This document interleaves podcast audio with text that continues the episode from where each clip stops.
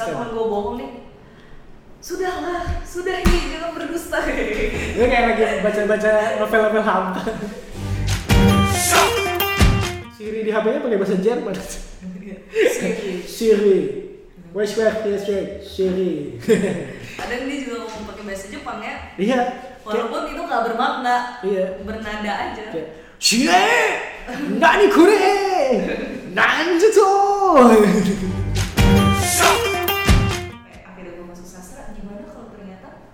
Dalam Al-Quran ini ada subliminal message-nya kayak ah, nggak nggak nggak implisit lah ya. Iya, kita- Eh nggak implisit sorry, implisit. Jadi Ah. nggak nggak semuanya tuh tekstual Iya, luar paham. iya. kayak gue bilang ke youtuber apa nge YouTube apa Iya, youtuber iya. pernah bertanya "Ma, kalau suatu saat kakak pindah agama gimana kayak gitu ketika orang bilang rokok terus kayak gitu. Astro. iya kita nggak itu sesuatu yang bagi gue eh, gue sebagai orang Indonesia kita harus memperbaiki kata itu. Kita jangan lena dengan kesalahannya. Masa rokok disalahin? Masa es disalahin? Udah pakai kalau nulis eh, apa sih kayak nulis kasih kertas ketemuan itu pakai bahasa India kayak gitu Iya. biar guru kita kalau baca tuh nggak tahu kayak Maksudnya apa nih? ini apa nih kita akan kehilangan jati diri sih. Itu ibaratnya menurut gue gini eh, serapan yang cuma sama itu doang itu tuh udah udah sebuah kehilangan sih. Apa ya buat menelusuri tren tuh gak gampang apalagi di bawah eh, tahun internet. Oh ya jadi itu tergantung dari orang zaman itu yang mau nulis gitu di internet.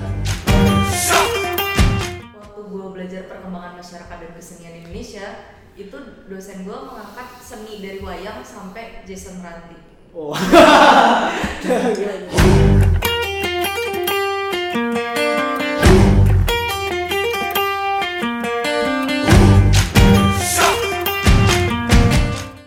Jadi kayak ternyata kita tuh bisa mengartikan apa yang iya. diucapkan uh, orang. Jadi kayak ada apakah ini ber, ke- ada juga dosen gue tuh kayak dia beliau udah kayak udah tua sih Hmm. udah memang udah 70-an dan gue kayaknya pernah ngomong sama lu deh.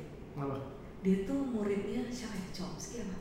Apa siapa Chomsky. gitu pokoknya kayak ketika orang belajar dari buku dia tuh belajar langsung Oh, cuy. iya. dari si tokoh itu dan dia emang lebih ke psikolinguistik. Cuman semester ini dia ngajar gue sosiolinguistik. Dan dia itu selalu menjadi saksi ahli untuk orang-orang yang mau cerai. Dan Hmm. sering kali dipakai untuk artis-artis mau cerai jadi gue juga gue belum sampai ke tahap memahami itu ya. Jadi kayak gue bingung juga nih wah ternyata sastra bisa iya. sejauh itu juga ya. Dan kalau nggak salah ya kan di di apa ya nggak tahu bagian bikin bikin ini sih apa sih yang bikin undang-undang tuh ya pokoknya untuk membuat undang-undang kayak gitu gitu perlu ada analisis ininya linguistiknya. Iya. karena itu kan bakal dipakai jadi panduan kan. Lu nggak boleh salah dan nggak boleh ambigu kan. Harus jelas ini tuh refer maksudnya mak- kata ini tuh refernya maksudnya apa gitu. Dan di belakang undang-undang tuh anjir gue udah-udah gitu ada gue gini lo cuma satu matkul. Ya itu di belakang ada penjelasan penjelasan kata-kata yang bisa menimbulkan ambiguitas gitu. Nah tapi emang ya apa ya ya makanya sebenarnya orang yang yang nggak ngerti kalau bahasa itu perlu dipelajarin ya itu nggak tahu kalau ya sehari-hari lu tuh nggak bisa lepas dari bahasa kan ya lu ba- ya, ya bahkan ya lu lu yang lagi rame belakangan kayak bahasa jaksel misalnya bahasa yang nyampur-nyampur itu kan nggak timbul tiba-tiba nggak ada yang buat. Pasti ya, maksudnya nggak ada yang sengaja bikin. Ya udah emang karena karena budaya yang eh, ada di jaksel ya sih? Maksudnya eh, udah terbangun sehingga lahirlah bahasa yang kayak gitu gitu ya nggak sih? Menurut lo gimana? Lo lihatnya gimana soal itu? Eh, kalau menurut gue ya karena ya bagi gue karena bahasa itu identitas ya, Ya. dan bagian dari gaya hidup. Ah, Eh, jadi tuh gaya hidup tuh kayak mempengaruhi bahasa lo mungkin ya ya contohnya kayak gue nih. Tadinya gue ngomongnya pakai aku kamu karena gue di Jogja. Ketika Ah, Jakarta. yang Jakarta pakai aku kamu itu sangat aneh. intim. Sangat intim ya. Terasa sangat walaupun Dekat ya, kita sering, dekat ya. sering sering kali di kantor ngomongnya pakai aku kan. Ah, atau lebih sukanya kalau sih gue suka dirimu apa Iya. diriku kayak gitu kan. Puitis sekali ya. Emang gue anaknya kayak gitu nah gue tuh Ka- kalau ini si siapa temennya Lupus Daku iya daku daku si- di kau Gue lupa gitu si yang gendut tuh ya Sumpah. Iya, iya, iya. Nah, penulis lupus itu alumni. Weh! gue baru tau dari dosen gue itu juga gara-gara gue ngerokok bareng dosen gue. Bisa, jadi obrolan-obrolan sambil ngerokok tuh bisa mengalir Iya, iya. Tuh dosen yang setiap di kelas suka memuji-muji gue, gue jadi muak kayak gitu loh menjadi pusat perhatian. Yes, kayak, enak ya kayak iya nih, nih. Balik lagi ke tadi yang bahasa, Bahasa. Jaksel ya. Jadi gue tuh ngerasa kayak eh, mungkin bisa jadi itu adalah bagian dari sastra, cuman gue nggak tahu nih apakah udah ada ahli bahasa yang meneliti itu. Atau Terus sekarang top of mind orang kalau ngomong bahasa tuh ya di bahasa Ivan Lanin sih oh iya sih. dia dia top of mind sih Kayak Tapi dia bilang dia Wikipedia di mojok. dia dia ahli linguistik gitu ya betul gue kurang mendalami Ivan Lanin sih. ya, gue juga cuman cuman sudah tahu aja dia Ya. eh, apa ya dia sangat eh kayak seneng sangat seneng bahasa bahasa Indonesia bener jadi dia eh, bisa eh, buat kayak kalau misalnya lu mau diskusi soal bahasa Indonesia secara tata bahasa gitu dia bisa. Gue sebenarnya itu gue menye oh kalau lu tadi nanya kapan gue menyadari apa ya? Ah, lu senang. Gue senang nulis Ah. atau sebenarnya lebih kayak kapan gue menyadari kayaknya gue cocok. Gue baru sadar tuh ketika tahun lalu kan gue sadar kayaknya gue ambil sastra itu karena ketika gue merunut nih jadi gue Ah. pernah pas lagi kuliah lagi musyawarah besar eh musyawarah eh, tahunan itu loh kayak musyawarah anggota Ah. eh, marching band gue terus ada namanya eh, memperbaiki apa tuh ADART Oh, iya. Nah, Oh. nah, memperbaiki ADART Iya, iya, iya. Semua orang ini membahas tentang poin-poinnya gua doang membahas Bahas- secara redaksional Oh, iya, iya. sampai akhirnya ada senior gua dia kalau nggak salah 2008 sama 2009 Hmm. gitu dia bimbingan skripsi dan dikomentari secara redaksional terus dia Hmm. nge-tweet dan dia bilang jadi ingat Sera ke Ah, sih. jadi ingat si ini gitu ya. nanti tolong disensor ya jadi jadi ingat si ini katanya kayak gitu Ah, yang Jadi Iya. landasan jadi, gue tuh inget banget gue jadi mereka menulis ke marching bandan itu digabung. Hmm. terus gue kasih tanda strip ke Marching. strip marching strip band strip an. Karena dan Itu marching bandnya harus di Itali karena itu Serapan, uh, bukan bahasa bahasa bahasa asing. bukan serapan kan karena belum ada serapannya juga kan. Uh, terus kayak gue titik di dipisah tuh ketika tempat itu harus dipisah ketika uh, bukan tempat itu harus digabung. Gue tuh mengkomentari Iya, hal-hal iya. kayak kayak gitu. Jadi kayak sampai ya ya udah sih nggak penting. Terus gua, nggak bisa gitu. Bagi gue kalau lu mau uh, aturan lu itu harus sampai lu harus menggunakan redaksional yang bagus bagi gue walaupun kata orang ya udah sih yang penting kan orang ngerti maksudnya nggak bisa Iya. sama ketika orang bilang rokok terus kayak gitu Estro. Iya, kita nggak itu sesuatu yang bagi gue, uh, gue sebagai orang Indonesia, kita harus memperbaiki kata itu. Kita nggak lena dengan kesalahannya. Masa rokok disalahin, masa es disalahin? Iya. Yang disalahin kan ada kegiatannya Iya, dia. iya. Kenapa merokok, merokok terus kayak Nah, gitu? gimana? Nah, atau ke minum es terus kayak gitu. Ya masa es yang di emang sih orang ngerti nih secara konteks Maksudnya yang disalahin orang yang minum es mulu. Iya, tapi kalau misalnya bagi gue kalau kita me- uh, menggampangkan hal-hal kayak gitu aja, kapan kita Ah, iya, betul, uh, betul. emang itu bagian dari mungkin ke- uh, sesuatu yang uh, membudaya, bukan Iya, iya. budaya, tapi bukan kebudayaan Indonesia, tapi sesuatu yang membudaya. Tapi itu salah gitu. Ya itu salah dan uh, bagi gue kalau kita membiarkan hal-hal seperti itu lambat laun ya bahasa. Indonesia akan punah. Kayak pemakaian bis itu paling udah sebel dah. Iya. Di yang di tempat yang salah. Nama juga gue gue selalu berusaha untuk menulis Nulis, nama iya. tuh dengan Gue juga tuh. uh, huruf besar atau tempat tuh eh, nama kota tuh huruf besar kayak kayak Walaupun kadang ya sempat juga salah juga.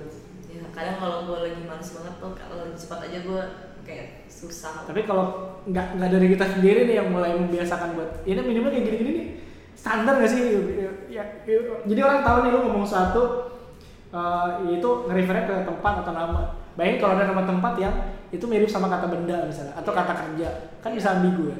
ya itu bener sih kayak uh, bagi gue itu kalau secara penulisan ya kalau secara tulisan ah, Kalau secara tulisan, eh, ah. mungkin lebih susah sih Buat kayak ininya ya. untuk memfilter kayak Iya, karena satu yang gue diomongin tuh ya kadang Ya. bisa apa ya spontan gitu ya. ya kayak gue bilang ke youtuber apa nge YouTube apa Iya, youtuber iya. Padahal emang secara kan you- YouTube an kan Ah. jadi gimana dong gue nyebutnya YouTube an YouTube an dong YouTuber ya. karena B bukan P orang Iya. kan suka bilang YouTube. Tapi karena itu lebih enak disebutin Nah, karena iya, lebih tapi secara font Ya, itu salah. pakai bibir Iya, itu salah. bila YouTuber. bila apa gitu Iya. Kayak gitu. Dan yang menurut gua kenapa eh, Inggris itu bisa lebih bahasa Inggris itu bisa lebih maju nih daripada bahasa Ah. Indonesia. Jadi lu setiap lu salah nyebut lu akan salah makna kayak gitu. Oh, iya, iya, dan dia iya. juga ada yang namanya uh, International Phonolo- uh, apa, uh, Phonetic uh, IPA International Ph- Phonetic apa kayak gitu.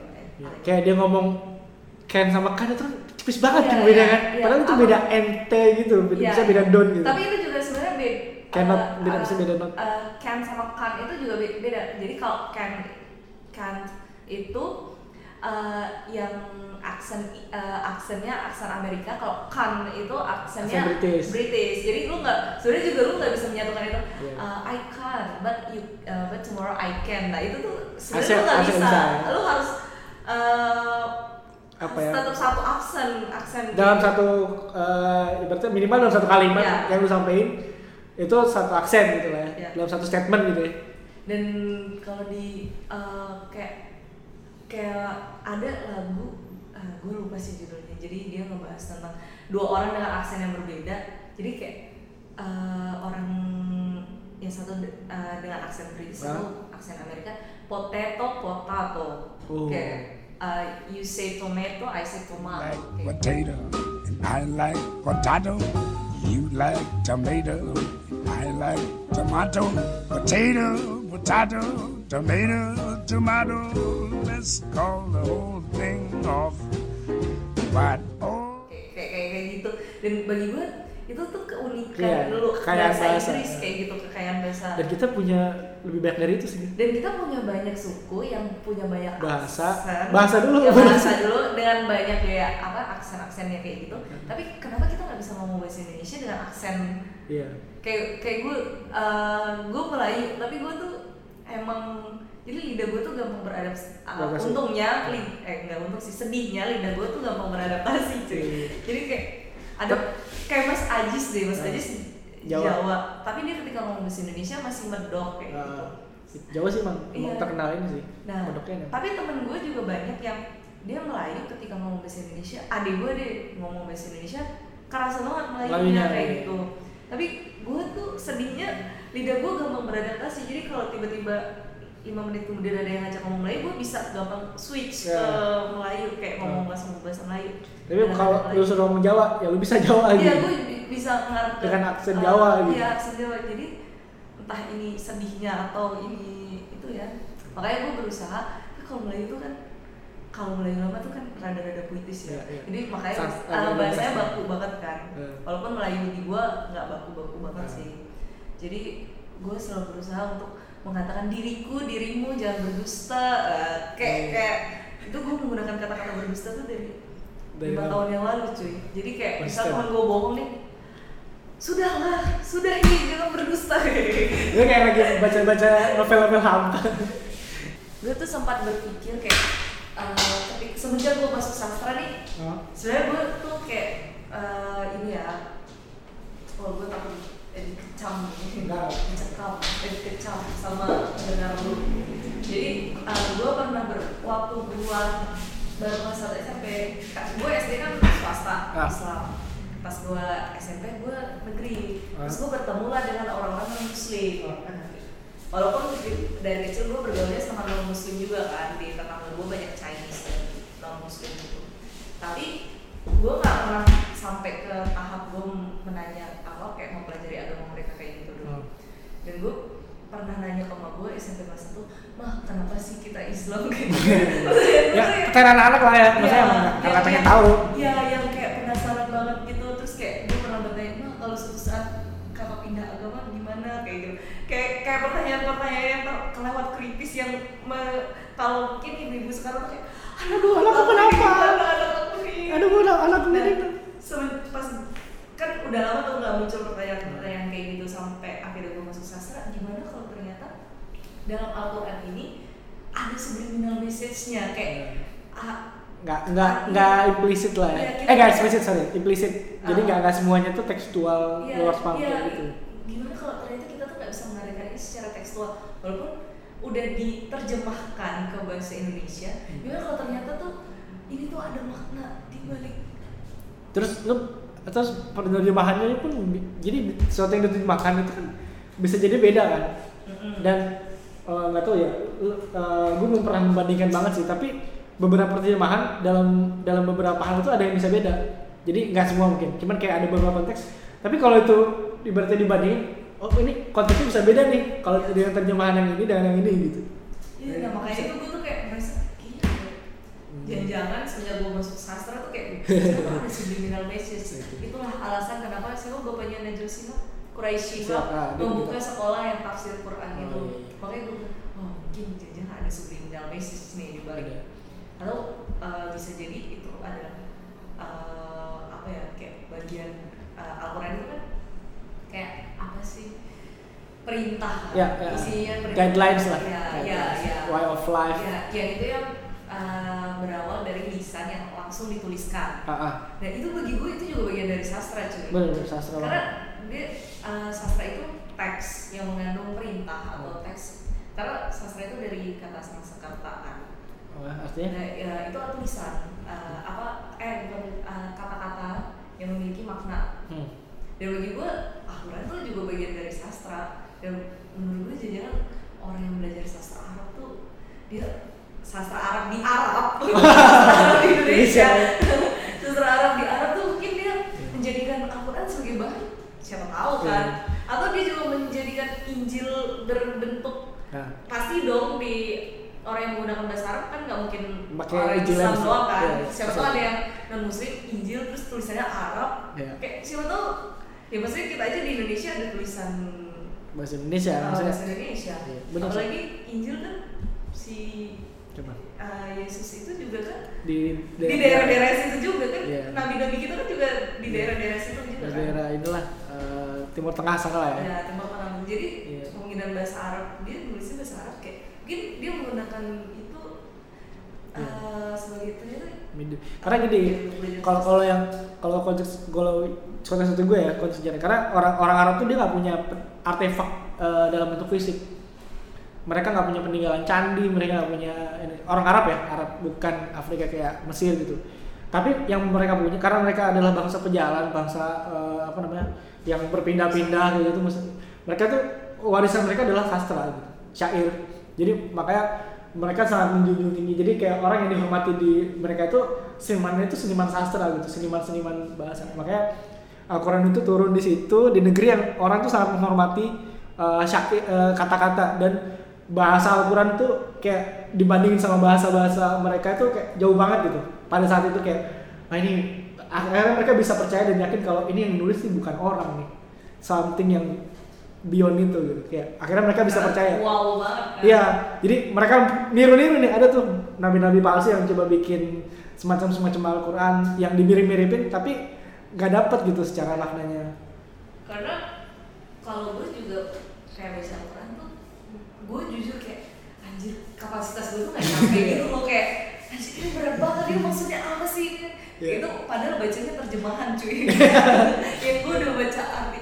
Wah, lebih lebih ngiri lagi kalau punya lu bisa bahasa Arabnya dan lu bisa ngerti konteks perkataannya itu.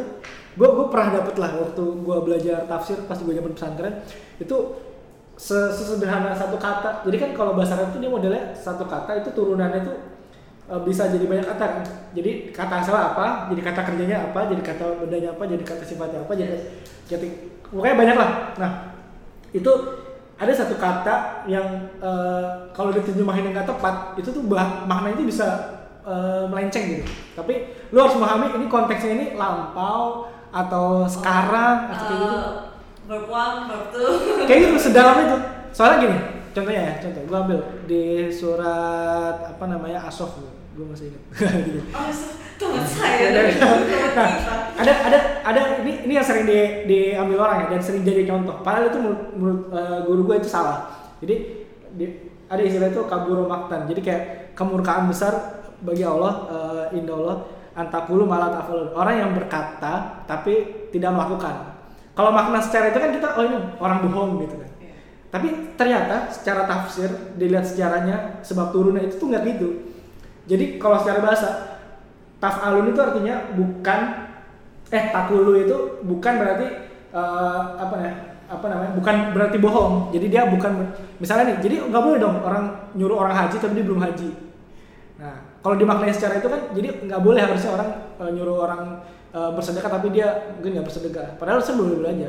Nah maksud dari eh, kata itu sebenarnya adalah eh, lu nggak boleh misalnya nih eh, waktu contoh konteks sejarahnya jadi kalau ada ibadah yang pahalanya gede banget dan gue bisa masuk surga, gue akan eh, lakuin itu.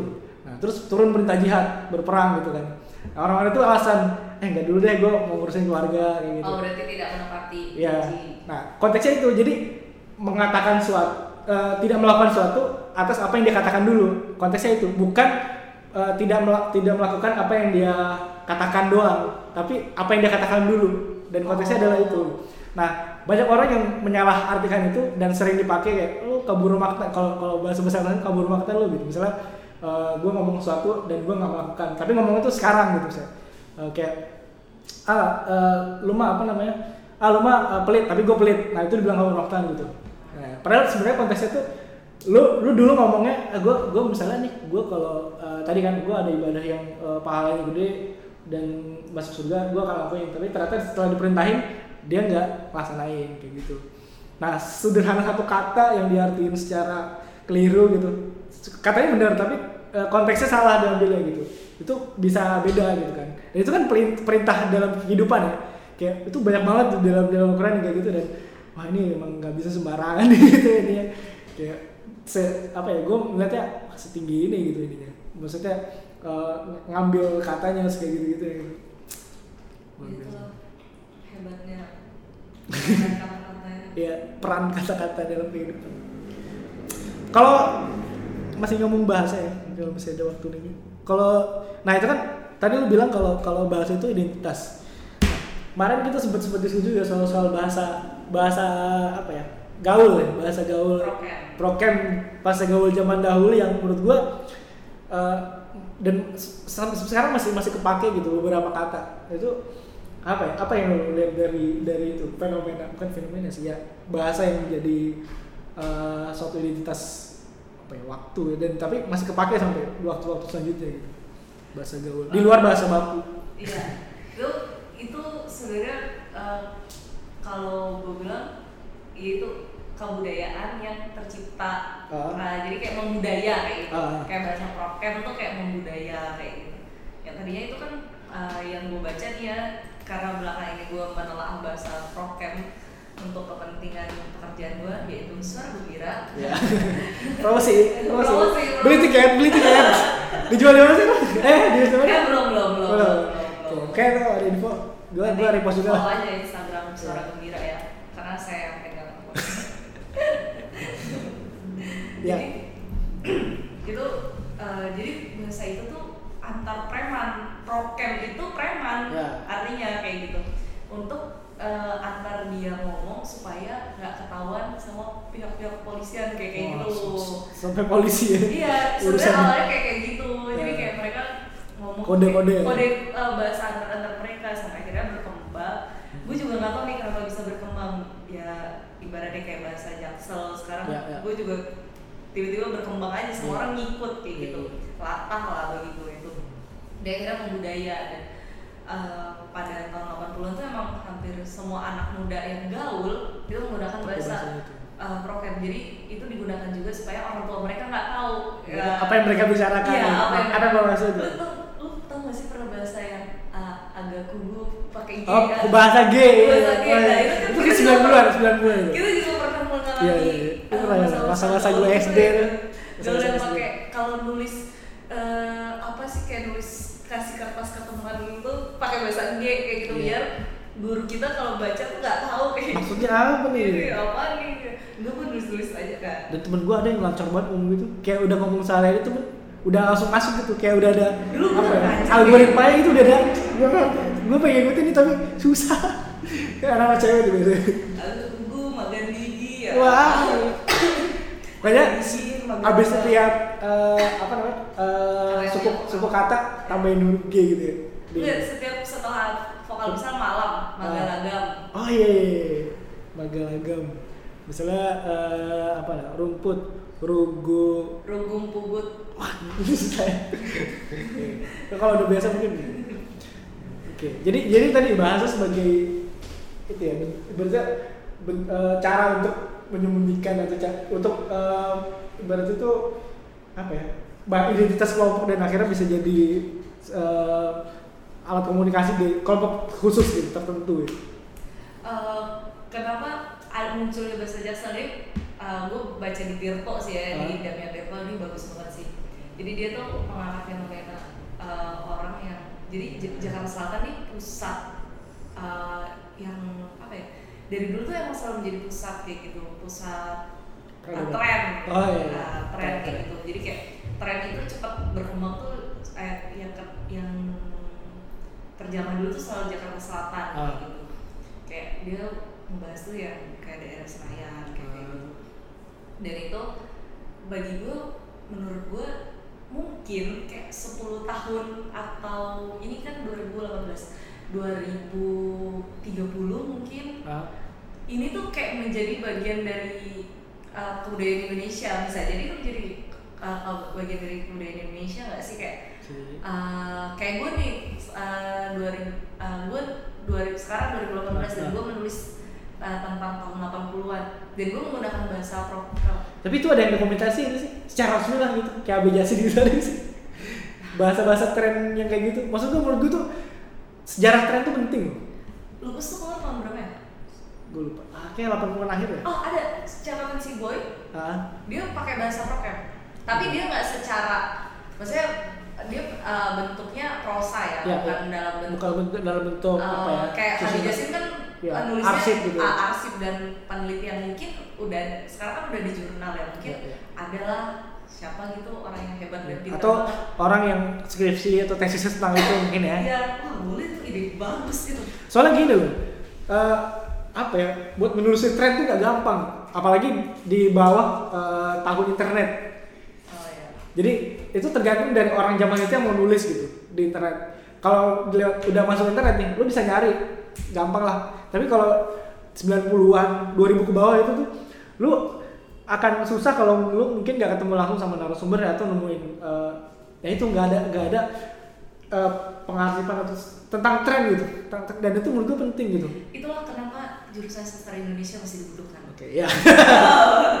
Selain menjaga bahasa Indonesia, dia juga karena ya, uh, yang orang uh, yang menjadi mispersepsi orang-orang tuh adalah ilmu komunikasi itu lo meneliti tentang orang berkomunikasi Ah. padahal kalau kita kalau gue ngelihat fokus Komunikasi. uh, jurusan komunikasi itu jurnalistik public relation Uh, uh, broadcasting, broadcast, sama ya, kajian uh, effort. Uh, periklanan. Ah, iya, iya, nah periklanan. itu kan.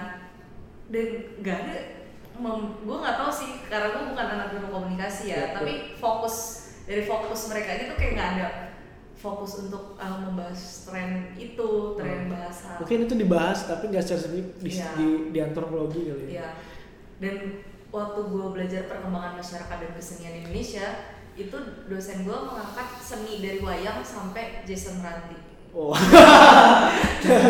Sampai Jason Ranti Dosen lu gokil ya. iya padahal sangatan Sawardi dan sahabat dekat Sawardi Sampai Jason Ranti. Iya sampai Jason Ranti dan dia uh, dia tidak mendalami tapi dia Hmm. mengikuti kayak gitu.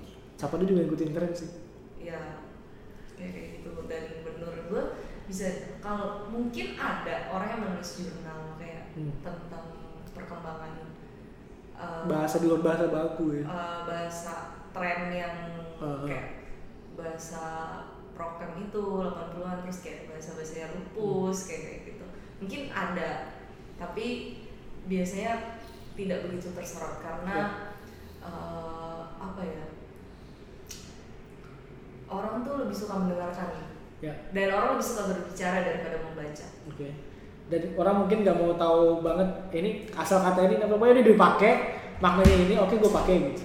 Orang nggak ada mau mencari tahu ini kenapa sih kata ini dipakai dan kata ini tuh asalnya dari mana? gitu. Mungkin iya kayak gitu. Iya. kayak ya tak maksudnya banyak orang akhirnya kalau nggak dikasih tahu dia nggak akan menyadari bahwa eh, bahasa prokem itu yang dipakai kita sehari-hari dan banyak itu doku gokil iya gokil. nyokap bokap. Iya iya rumusnya kan sederhana yoi iya. cabut. Eh gue Iya. sebut dulu ya. Nah, itu juga bahasa cokin sokin. Sokin. Sokin dia dijokul Iya, iya, iya. disokin ya. dijokul Iya. tuh nggak tahu apa ya spoiler spoiler sponsor. Spoiler. Kayaknya gue harus kasih tiket gratis nih sponsor di sini.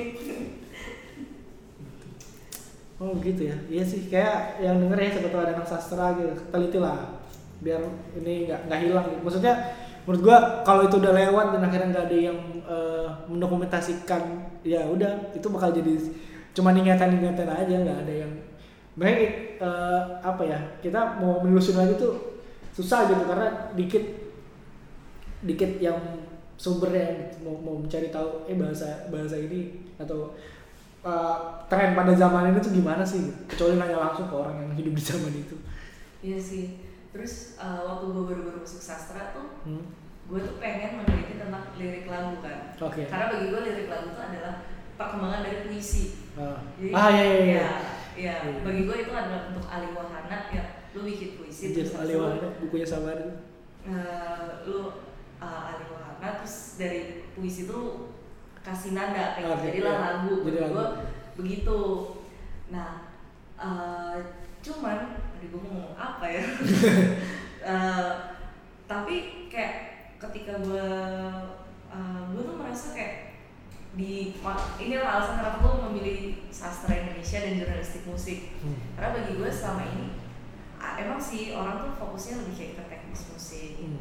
atau uh, oke lirik. Tapi tuh orang jarang ada yang benar-benar membedah lirik. Baru-baru ini aja tuh yang di YouTube. Ya. Hmm, yang ada bedah lirik. Oh, niat banget tuh. Ada siapa ya? Gue lupa channelnya apa tapi dia bedah lirik yang uh, seperti apa seperti rahim Ah. uh, nya itu bersama Najwa dengan Khalil. Jadi mereka berdua wah combo cuy. Itu combo banget. Tapi mungkin itu menarik ya. Tren ulasan itu semenjak YouTube jadi beragam jadi jadi muncul Ya. sih. Jadi apa aja diulas apa aja di apa sih review ya. Bahasa bahasa eh, aslinya review. Bahasa sononya review.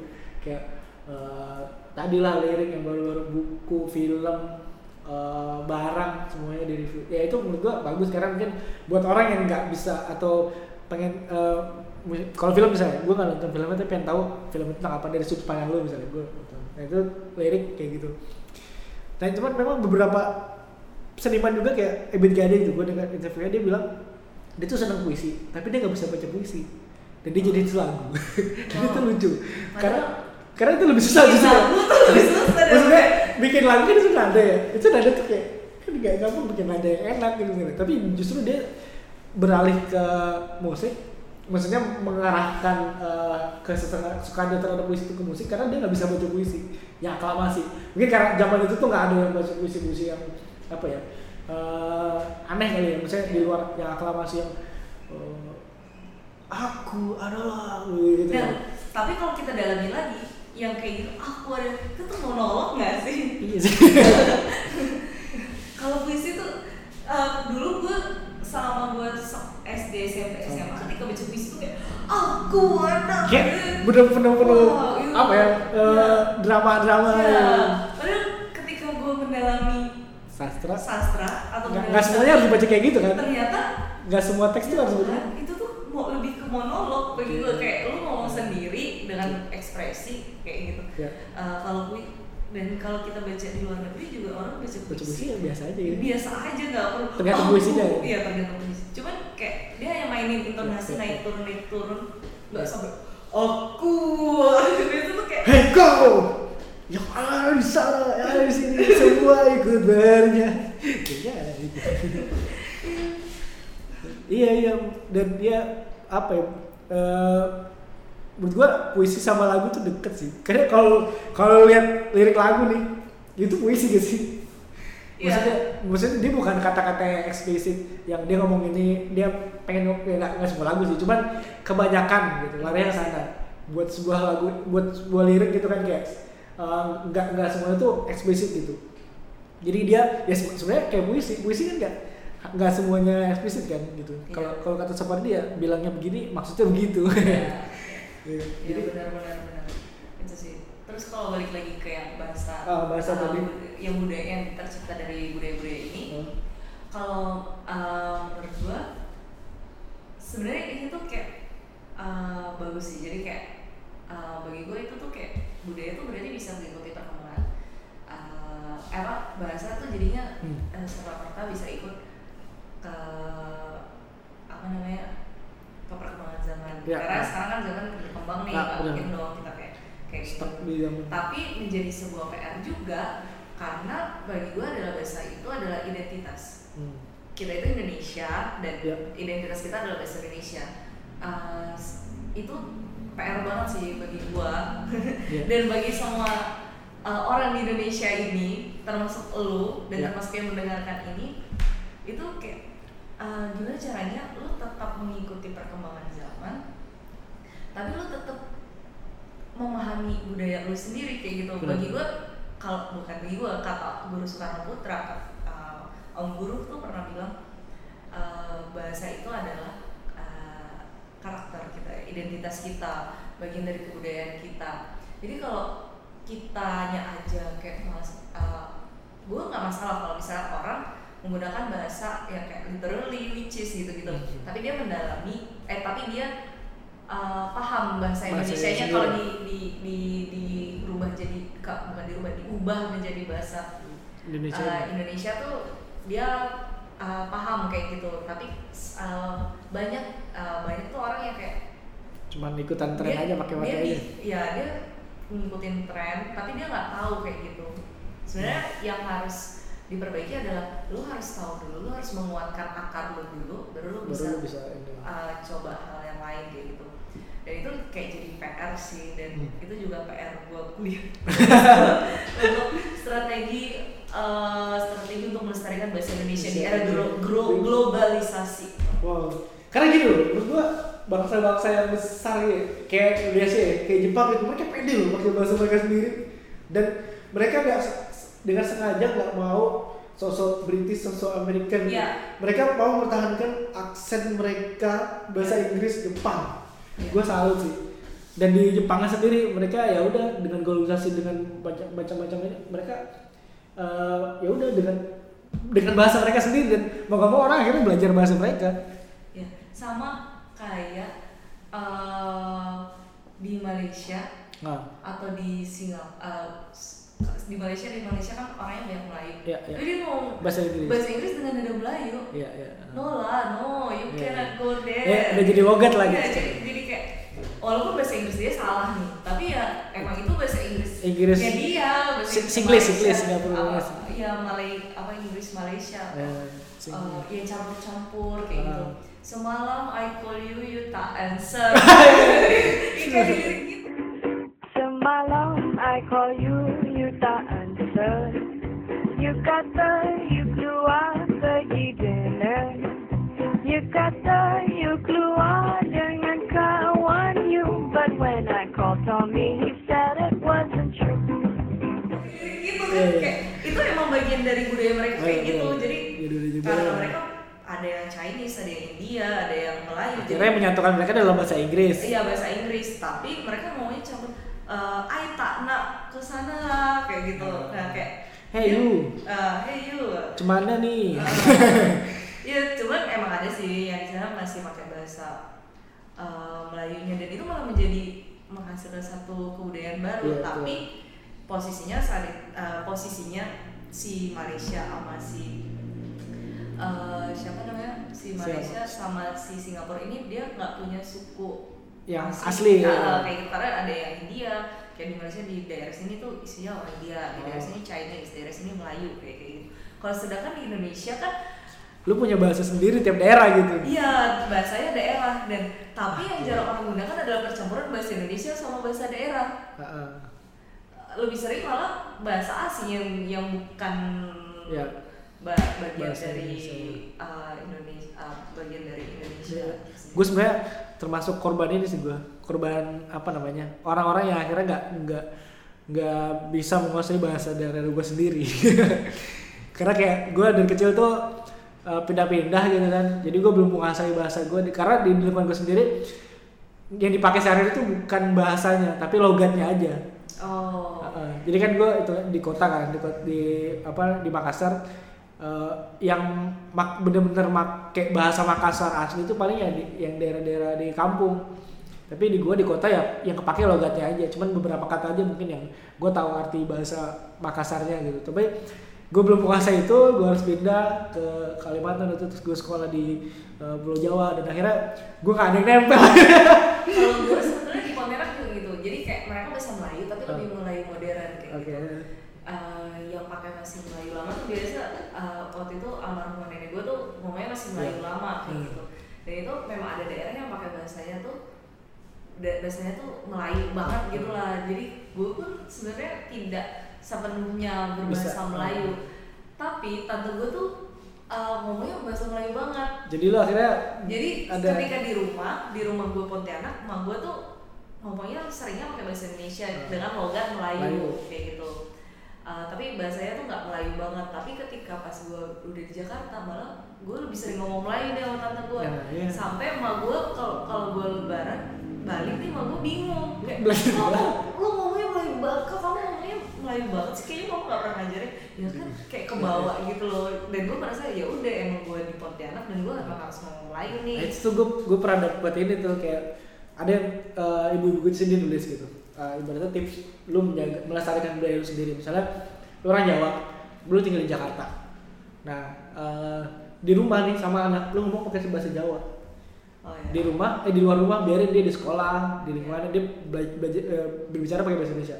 Tapi di rumah cara lu menjaga eh, budaya lu adalah ya dengan lu di rumah membahasakan pakai bahasa lokal lu sehingga anak lu punya dua apa ya Dua. jadi jadi dia bisa dua-duanya gitu dia di luar dia bisa bahasa Indonesia di dalam rumah dia dengan dia tahu dia kasih sebagai misalnya orang Jawa gitu misalnya jadi dia nggak kan bahasa itu pengantar ya. Setelah itu dia kan akan tahu oh budaya orang Jawa tuh kayak gini misalnya hal yang luhur yang dia bisa praktekkan kayak gitu. Nah sama kalau- lu tinggal di luar, luar negeri lu orang Indonesia tinggal di luar negeri lama gitu anak lu kalau lu pengen anak lu bisa bahasa Indonesia lu di rumah pakai bahasa Indonesia gitu. Jadi anak lu di rumah sama lu terus Indonesia. Nah, di luar di, di sekolah di apa dia akan secara sendirinya bisa bahasa eh, negara itu. Tapi buat anak lu menjaga lu, lu menjaga anak lu bisa bahasa eh, aslinya dia bahasa Indonesia ya lu ngomong di di apa namanya di rumah pakai bahasa itu gitu. Tapi prakteknya susah, Cing. betul Karena kan adik gue dia dari lahir sampai umur 8 tahun atau 9 tahun Jakarta di Pontianak. Jakarta Nah terus barulah dibawa ke Jakarta nih baru beberapa bulan ini dan dia baru sekolah nih beberapa bulan ini lah Uh, baru ajaran baru kan dipin- pindah sekolah gitu dan itu yang tadinya dia ngomong bahasa Melayu banget ya jadi tuh uh, ibunya dia tuh yang benar-benar kampung yang pakai bahasa Melayu Melayu lama banget tuh. Hmm. yang tadinya dia ngomong tuh campur-campur bahasa Melayu banget kayak gitu. Kalau kita bilang Melayu kampung gitu kayak ngomongnya Melayu banget. Tiba-tiba kalau gue nanya ini siapa yang kayak gini nih? "Eh, tadi saya gini. Dia tiba-tiba ngomong pakai bahasa baku cuy. Oh. Jadi kayak ke bawah di sekolah gitu loh. Jadi Oh. eh, eh, dia biasa kan kalau kita tuh kalau di Pontianak tuh kalau ngomong manggil diri kita sendiri ke orang tuh "Eh, kita tadi kayak gitu nah kayak Iya, iya. eh, nah dia tiba-tiba tadi saya ini kan ta- nadanya masih Melayu Tapi, eh, penggunaan katanya udah beda, gitu. eh, cuman eh, susah untuk kayak Iya. eh, ya udah gimana dia namanya juga adaptasi kalau Iya. kita paksain dia pakai bahasa Melayu nanti dia ngomong ke temennya susah temennya nggak ngerti kayak gitu dan akhirnya kita tetap ngomong pakai bahasa Melayu ke dia dia nangkep itu dan dia ak- balasnya dengan bahasa baku dengan nada Melayu yang gitu. oh iya, iya. iya.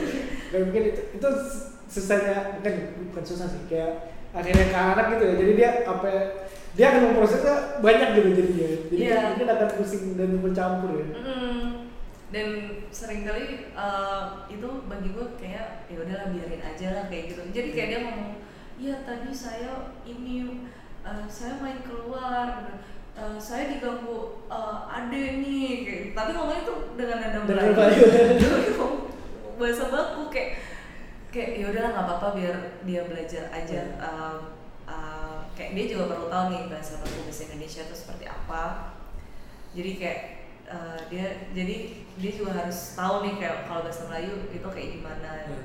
dan itu nanti pasti akan ada momennya dia penempatannya itu tahu tapi nah kayak tadi gue bilang gue itu punya lidah yang gampang beradaptasi dan Ya, bagi gue orang itu kayak nggak semua orang memiliki lidah Betul. yang gampang beradaptasi karena waktu gue baru kuliah di Jogja beberapa teman gue yang dari Pontianak kayak udah berapa tahun kuliah di Jogja kita ketemu Masih- di Pontianak Masih dengan logat Melayu ya. Dia ngomongnya jadi kaku cuy Eh, Bud, kayak gitu kan Terus kayak, eh, eh, kalian dari tadi di sini. Gitu. Iya, Apa tuh? kita kan kalau di kalau sesama seumuran ngomongnya aku kau kan. Iya, kalau Eh, di- kok eh, kok sendirian? Ya eh, aku sendirian. Eh, kamu eh, mau ke mana? Abis itu kayak kayak aja kayak aku kamu tuh. Kayak bahkan aku kamu tuh intim. Kamu di Pontianak juga aku kamu Justru iya, justru. aku kau enggak kayak gitu akhirnya akhirnya nyambung lagi pakai Iya. bahasa sono, bahasa Jogja. Dan ada sepupu gue tuh juga pernah cerita yang Hmm. gue itu dia ketemu sama ah, jadi dia kan dua tahun di bawah gue Iya. nah dia ketemu sama yang setahun di bawah gue ya itu seniornya dia juga kan kayak ketemu terus kayak ngomongnya tuh bahasa baku banget kayak gitu kuliahnya di Bandung karena dia orang Pontianak kayak gitu kan kayak Antara mau ngomong mau, mau ngomong bahasa yang biasa yang Iya. dulu, tapi udah kecampur sama bahasa-bahasa masing-masing gitu ya. Nah, terus diprotes sama ada sepupu gue dia bilang eh ih pokok intinya dia bilang ah udah kita nih sama-sama Melayu udah ngomong kayak bahasa Melayu aja tapi tetap aja dia orang pakai bahasa baku kayak gitu padahal kan gue aja kan pernah ya kita nongkrong bertiga kan dan gue ngomong sama dia tetap pakai bahasa Melayu dan ketika gue ngomong sama lo tetap dan Iya. ah, itu bisa menjadi sebuah kelebihan apa anugerah Anugerah tapi juga sih. eh, sedih banget Iya, sih iya. kayak gue nggak bisa Gue nggak punya ide apa. identitas yang pasti ini kayak kalau gue ngomong sih. Inggris juga Inggris gue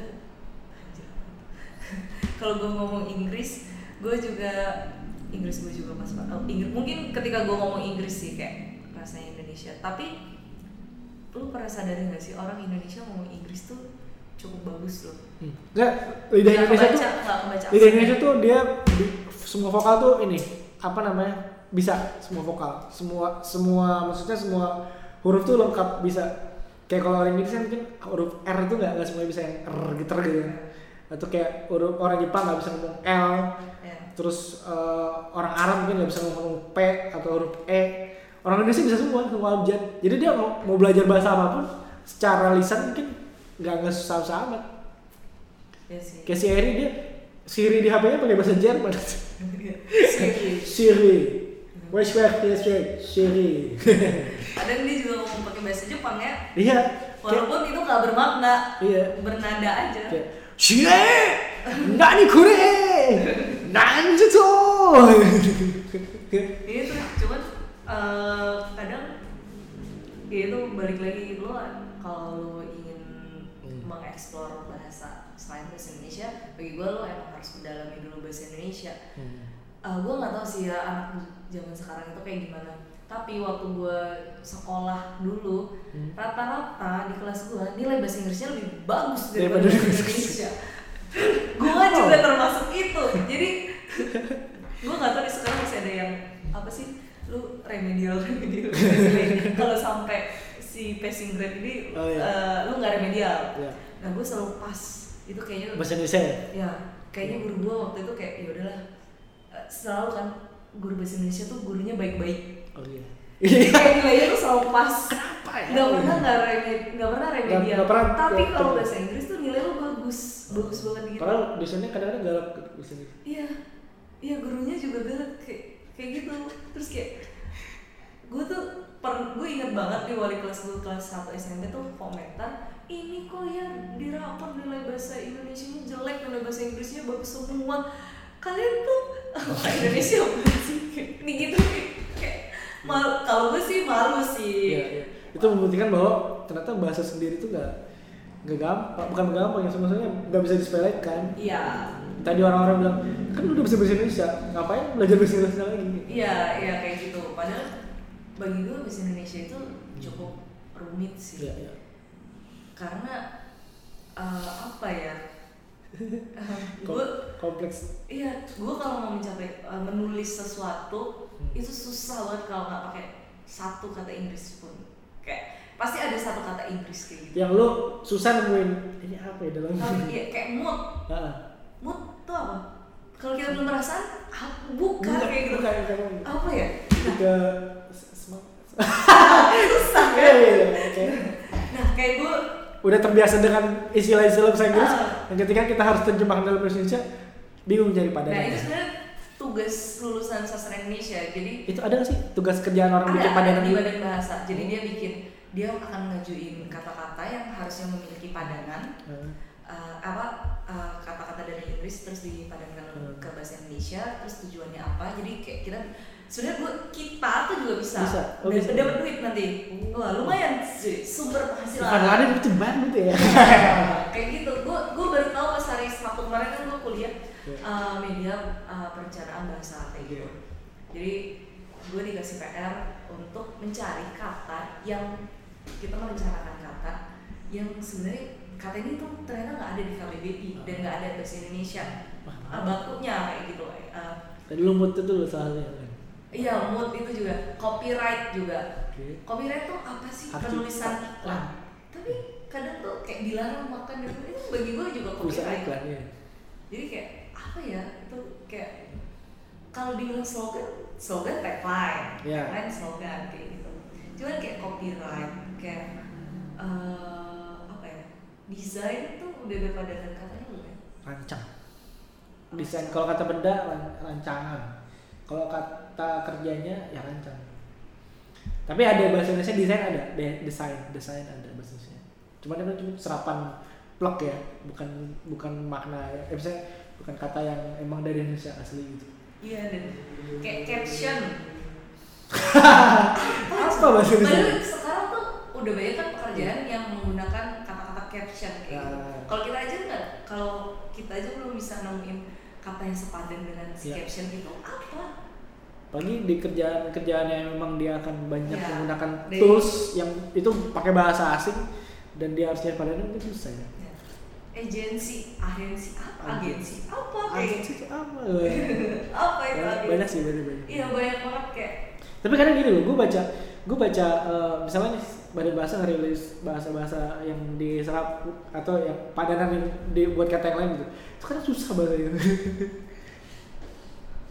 kayak manifest, Heeh. ejawanta dan sedikit orang yang masih menggunakan kata Pengejauhan. pengejawantaan. Eh, banyak orang yang Manifesto lebih enak manifesto. manifest ya kayak gitu Eh, bagi gue tuh nah ini kalau kita membiarkan itu Ya, ya, ya. dan kita hanya cuman kayak desain cuman beda tulisan doang kayak gitu bagi gue kayak hmm, kita akan kehilangan Ya. jati diri sih Itu ibaratnya menurut gue gini. eh, serapan yang cuma sama itu doang itu tuh udah udah sebuah kehilangan sih. Iya benar Iya sih? Iya, gue gue tuh punya ketakutan ketika uh, 20 atau 30 tahun lagi ketika gue uh, mungkin punya anak atau punya cucu nih kayak terus uh, gue ngomong pakai bahasa Indonesia. Jadi kayak, kayak ketakutannya karena gue merasakan kan kayak nenek gue pakai bahasa Melayu. Eh, lu lama terus gue pakai bahasa Melayu. Baru? Uh, baru terus modern. kayak model uh, ya baru. Terus kayak gue tuh merasa kayak hmm kayak gimana ya gue nggak ngerti nih nenek gue ngomong apa kayak gitu. Iya. lu, lu takut gak sih kayak gitu? Iya bisa bisa. Bisa aja di 30 tahun lagi saat lu ngomong bahasa Indonesia sekarang nih anak-anak yang zaman itu what do you what you say ya? Nah, takut gak sih kayak gue nggak tahu sih uh, Nggak. tapi bisa jadi kan uh, kayak kita nih kayak uh, sebenarnya tren tuh berputar. Kayak sekarang tuh balik-balik orang vintage vintage penampilannya atau Oke. uh, penampilan penampilan penampilannya pada jadul gitu. Kayak kayak gue gitu mis pakai cut bray yang itu trennya pada tahun kapan kayak gitu. Atau penampilan gue sering kali yang tahun 80-an dan bagi gue mungkin bisa balik lagi nih. Tapi siapa nih yang akan menggongkan itu dan balik lagi? Dan siapa yang masih peduli? Dan bagi gue ya itu kayak pengarsipan tren atau bahasa-bahasa itu tuh bagi gue perlu. Karena ya kalau suatu saat eh, jadi itu bisa kayak untuk eh, titik balik. Kayak gue ketika ada itu di internet sih dan itu ya rata-rata di blog kayak gitu. Eh, blog blog tuh apa sih bahasa Indonesia nya gue gak tahu. Gue gak tahu gue tahu. Kan mau jadi bahasa Inggris apa ya? Eh, gak ada gak ada. nah kayak gitu.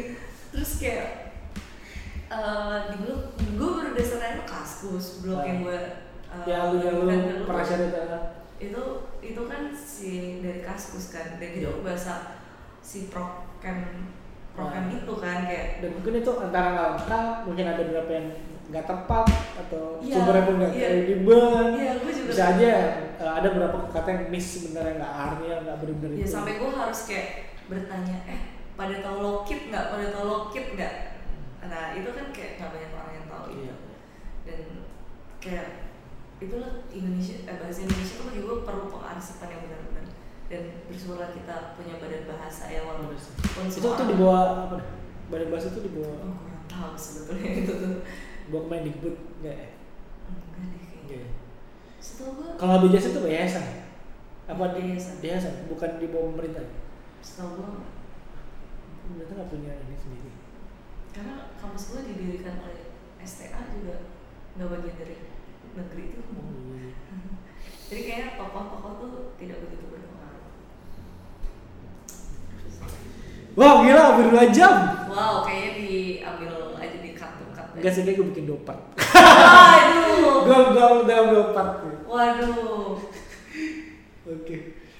Wah gila ternyata bahasa tuh banyak banget dimensinya dan Wah kalau udah berusaha tuh panjang banget lah. Kayak gue salut sih orang-orang yang mau mendalami bahasa atau sastra budaya apa pun. Tapi emang susah sih karena ya.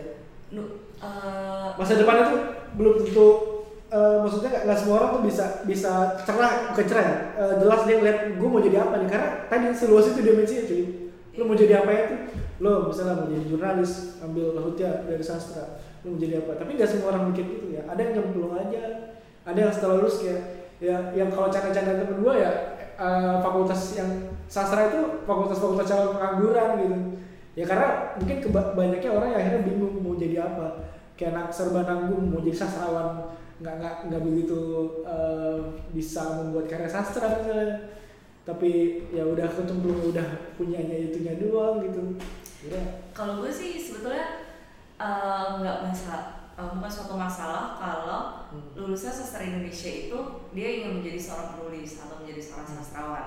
Karena emang eh, orang berpikirnya wah lu anak sastra ya jago bikin puisi ya. Hahaha itu Ya, pasti- pasti banyak gitu. skeptis yang selalu ada padahal stereotip yang melengkap ya, lah di situ ya cuman eh, yang orang gak ketahui ternyata lu di sastra itu lu tidak hanya belajar untuk menulis tapi lu juga eh, sebagai peneliti. Hmm. kayak lu lu udah di gue nggak tahu ya kalau jurusan lain tapi di HI gue kayak cuma meneliti suatu masalah kayak gitu. Ah, udah kayak gitu.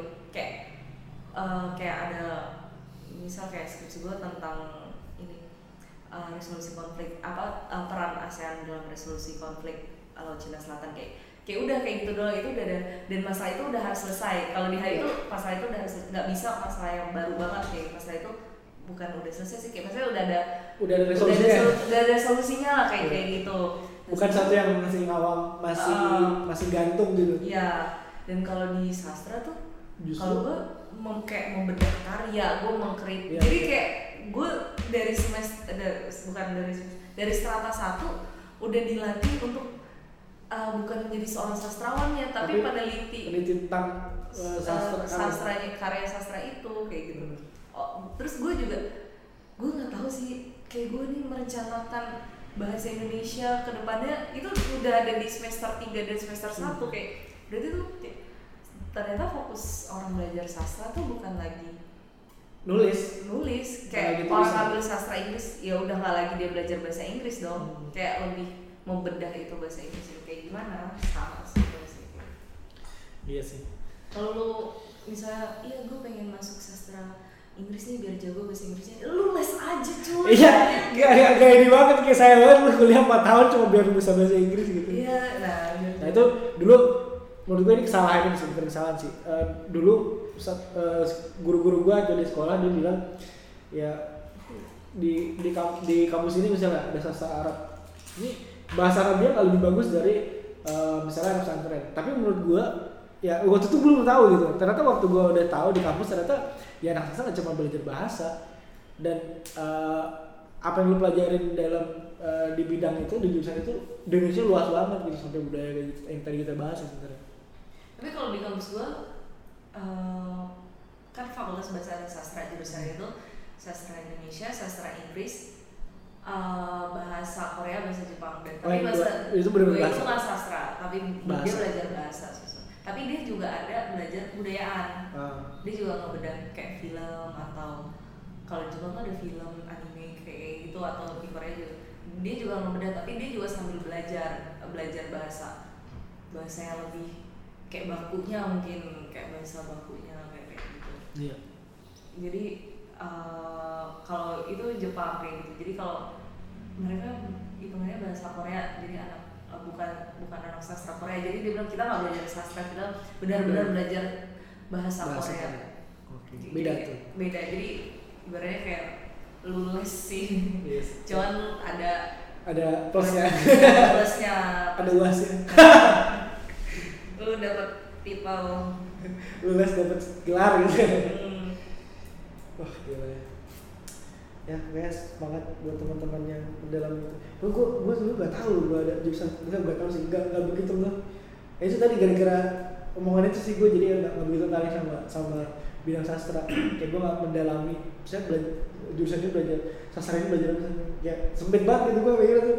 Gue IPS, gue ekonomi gak bisa, akuntansi gue jelek, Eh, komunikasi gue gak nyampe, Eh, administrasi gue juga kayak nggak nggak nggak rapi gue kan. Apa nih yang aneh-aneh? Sosiologi kriminologi antropologi. Oke, ini nih kayaknya bisa nih. Berarti lu tuh mi- memilih kuliah berdasarkan peluang ya? Iya betul. Karena kan gini karena gue kan eh, peluang gue tuh beasiswa. Jadi jadi gue Oh. ngambil dari jalur beasiswa. Jadi kalau nggak gue nggak lolos gue akan mempertimbangkan bahkan kayak gue kalau nggak dapet beasiswa itu nggak mau kuliah gitu. Oh tapi ya udah eh, gue no no option. Gue ya udahlah yang yang mungkin aja lah. Ya, ya kan gue ambil itu krim- kriminologi. Ya alhamdulillah sih lo- lulus dan setelah gue jalani gue nggak menyesal. Gue sangat senang ternyata. Ada tuh temen gue eh apa sih yang orang oh arkeolog ya? Arkeolog. dia teman gue ah, itu SMA juga tuh. Dia itu jarang dia eh, bareng sama gue nih. Hmm. jadi dia itu jarang masuk. Hmm. Dia pernah sebulan tuh gak masuk buat main warnet. Itu di mana? Di Pontianak. Oh dia ambil ke arkeologi arkeolog UI masuk. Si Jul kenal. Shock gak tuh? Dia dia pintar membaca peluang. Yang penting UI tapi arkeolog kayak gitu. Arkeolog. kalau Ya. orang a- bakal under orang Hmm, kan under yes, ya. kayak kayak lu terus gimana dong? Lu kayak Indonesia lu nyari nyari itu kayak kayak gitu. Padahal itu Wah itu itu berguna sih. gue pernah datang ke pameran arkeologi di Green Indonesia di DI itu eh, tentang apa namanya tulisan purba. Itu dalam banget pembahasannya. Yang bahas eh, Mbak Ken istrinya Rendra.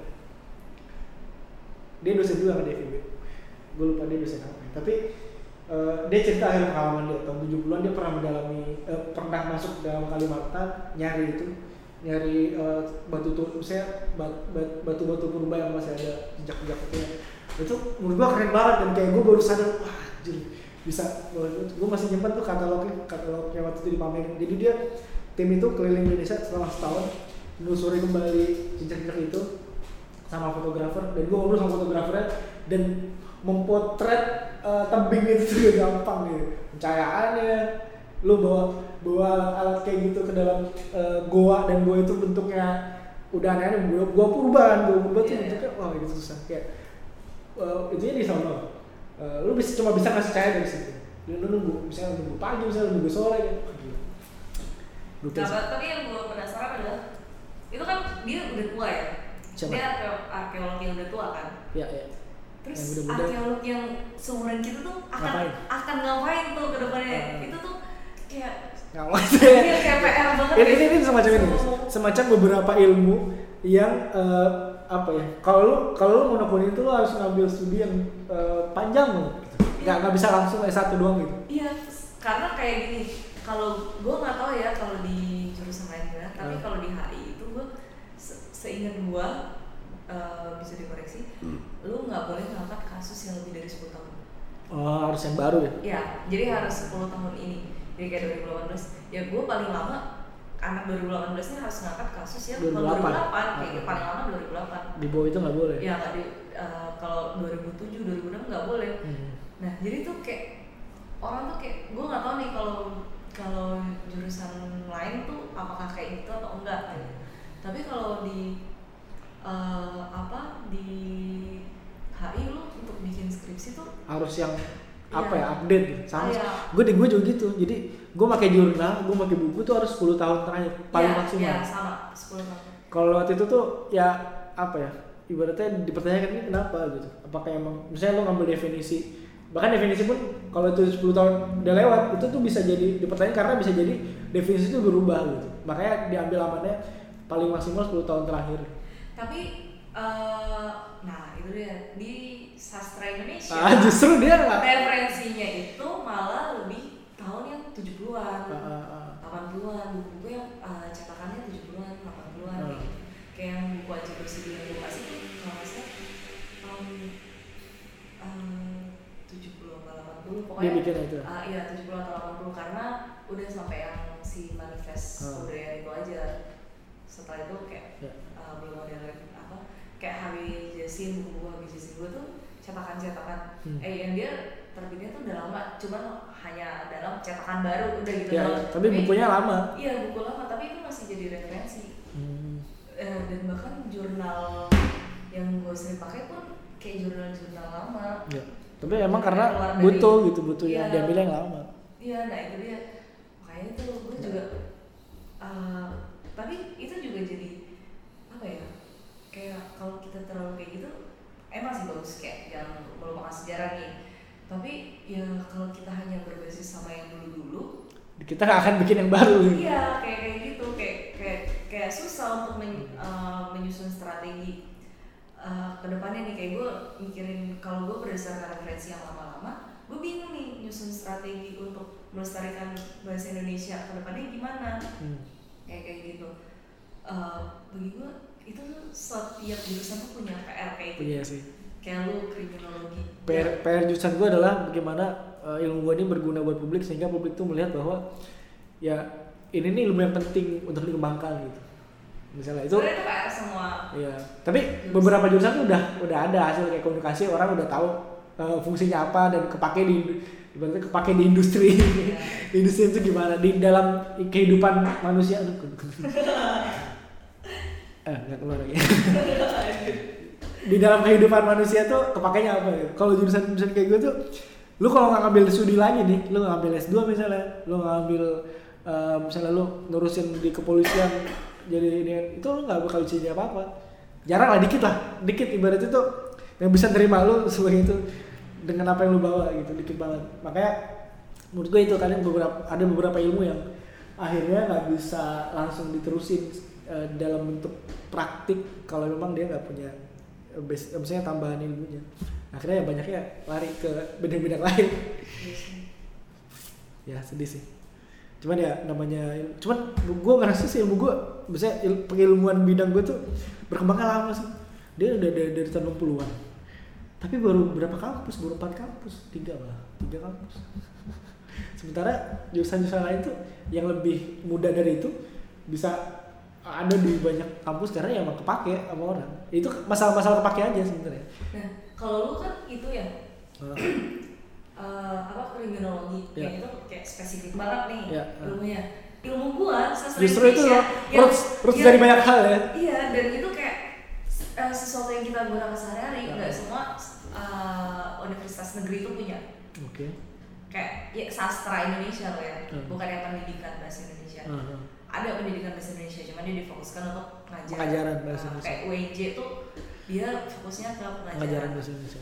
Ke- uh, banyak anak uh, UNJ yang dia udah angkatan berapa terus ke pindah kampus ke UNAS Karena dia pengen sebenarnya pengen belajar sastranya. ya. Bener, karena emang kan banyak cerita sih dipersulit. nah, tapi dia banyak yang harus dia ngikutin dari nol lagi karena beda beda itunya RPS-nya tuh beda Iya. kayak gitu. Buat pengajaran sama kayak ini ya, kayak orang pendidikan matematika sama matematika murni lah gitu. Ah, ah, kayak kayak gitu.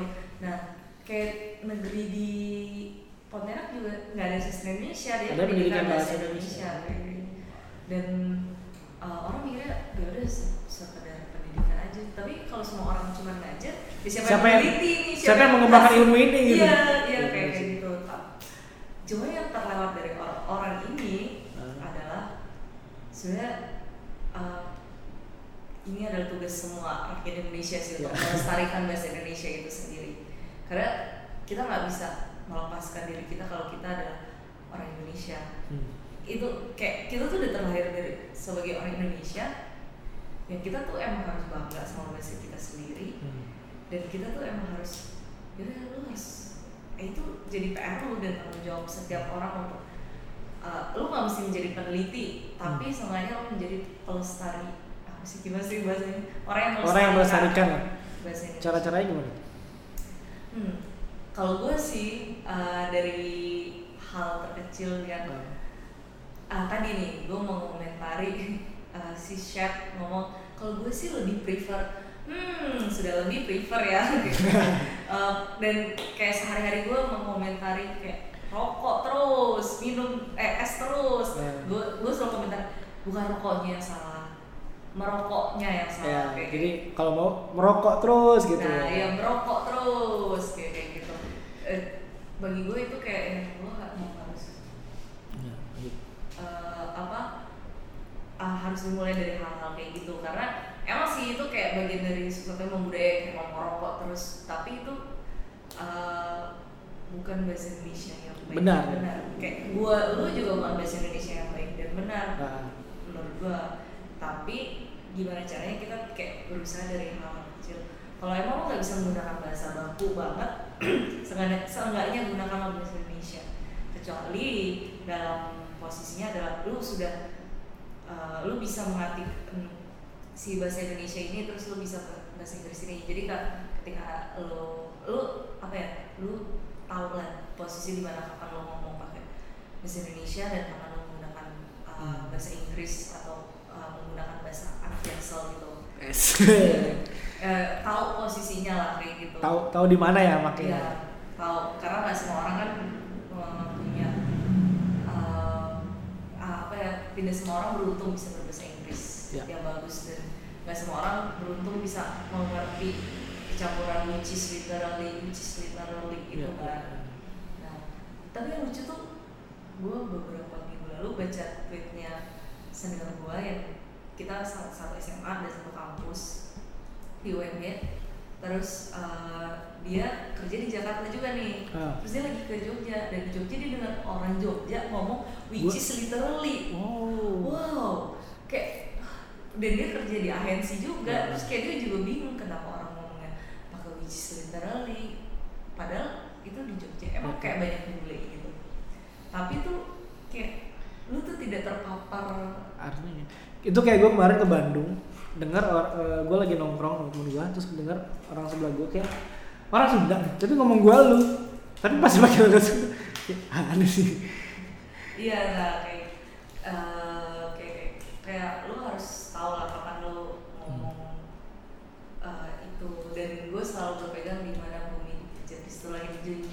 Nah, jadi kalau emang gue lagi di Jakarta ya gue harus menyesuaikan Iya, dengan eh, bahasa-bahasa Benar. Jakarta kayak gitu. Ketika gue lagi di Jogja, ya lu menghormati ya biar enak masuk di sana ya lu Iya. bahasa mereka ya tapi eh, ya sebenarnya nggak masalah sih supaya lu nggak juga lupa identitas lu nih. nah uh, identitas asal lu tapi kayak ada nggak nggak semua uh, waktu tuh jadi kayak lu sesuai waktu lah sama kayak kalau kita ngomong nggak mungkin kan kita ngomong mom mom which is literally nggak mungkin kan kayak kita ngomong sama mama kita kayak Hmm. which is literally campur-campur Inggris kayak gitu yang penting lu tahu aja tahu tahu di mana makanya ya kan? dan pahami audiens lo juga kayak gitu Oke. Gitu kalau audiens ya misal gue kayak gue di Jogja gue tiba-tiba mau pakai gue lu sebenarnya itu nggak masalah kayak gitu Heeh, cuman uh, audiens gue bukan orang yang ngomong pakai gue lu jadi ya udah mau pakai aku aja kayak gitu. gue gue mengikuti audiens gue sih Hmm. Nah, tapi ini juga jadi blunder sih kalau kita keluar negeri terus kita lupa sama identitas Iya. itu berarti kita harus mencari mendalam mendalami dulu sih kita harus eh, ya kalau ada kasus kayak gitu kita harus mencari gimana gue bisa tetap di luar nih gue bisa orang luar diterima tapi gimana cara gue menjaga bahasa gue sendiri Ya. oke oke thank you banget tiga jam nih kayaknya enggak sih dua jam 16 menit itu bakal kayak bakal gue bikin dua episode sih dipotong aja sih Iya, gue bingung tahu potongnya di mana. Sip. Thank you banget eh, Nona Nina buat sharing-sharing bahas bahasanya ya. Dulu. Ya, ternyata bisa kayak judul lagu ya kena copyright nanti kita Enggak, gue ntar bahasnya bahas bahasa bukan bahas suara. bahas bahasa tapi yang bukan yang bahas suara. oh, iya. Tetap ada nama bandnya. Kayak gitu. Oke, eh, semoga Gak tau sih semoga ada yang dengerin. Kalau nggak ada sih nggak apa-apa. Eh, dan ada faedahnya. Kalaupun nggak ada ya nggak apa-apa lah. Dengerin gua sama Nona Nina ngoceh-ngoceh soal bahasa. Eh, semoga pesannya dapat juga lah. Kalaupun nggak dapat ya udah. Ya udah mulu tadi. Jadi ya mau berpesan apa nih? Oke silakan. Kalau ada pesan Eh, jadi lu mau oh ya orang tuh ngerasa bahasa itu nggak begitu penting khususnya bahasa Indonesia karena Hmm. sehari udah bahasa Indonesia apa yang dipelajari nih? Eh, karena itu sesuatu yang setiap hari kita temuin. Sama kayak orang bilang lu tau gak sih kiasan yang sesuatu itu nggak bisa eh, dianggap berharga ketika udah kehilangan? Oh iya betul. Nah, bagi gue itu, jadi kalau selama lu masih ada, kadang tuh kita nggak menghargai itu dan itu yang terjadi di bahasa. Jadi kalau menurut gue wajar ketika orang-orang tuh kayak meremehkan atau Meremehkan bahasa. menyepelekan bahasa atau dia kayak yang kayak ah males ah denger tentang bahasa kayak gitu. Hmm. Ya karena eh, bagi dia ya udah bahasa tuh bukan sesuatu yang penting, padahal itu adalah yang krusial. Bagian lu gue bisa tahu lu orang Indonesia adalah dari bahasa lu Hmm. ber- berbahasa Indonesia kayak gitu. si, si Nona Armia sampai nangis tuh ngomongnya ini pedih gara-gara kita ngerokok nggak ada ventilasi maksudnya gua ngerokok nggak ada ventilasinya Iya, iya, iya. Iya. Oke deh, sip. Thank you semuanya. Sampai jumpa di Oke. suara-suara berikutnya. Dadah.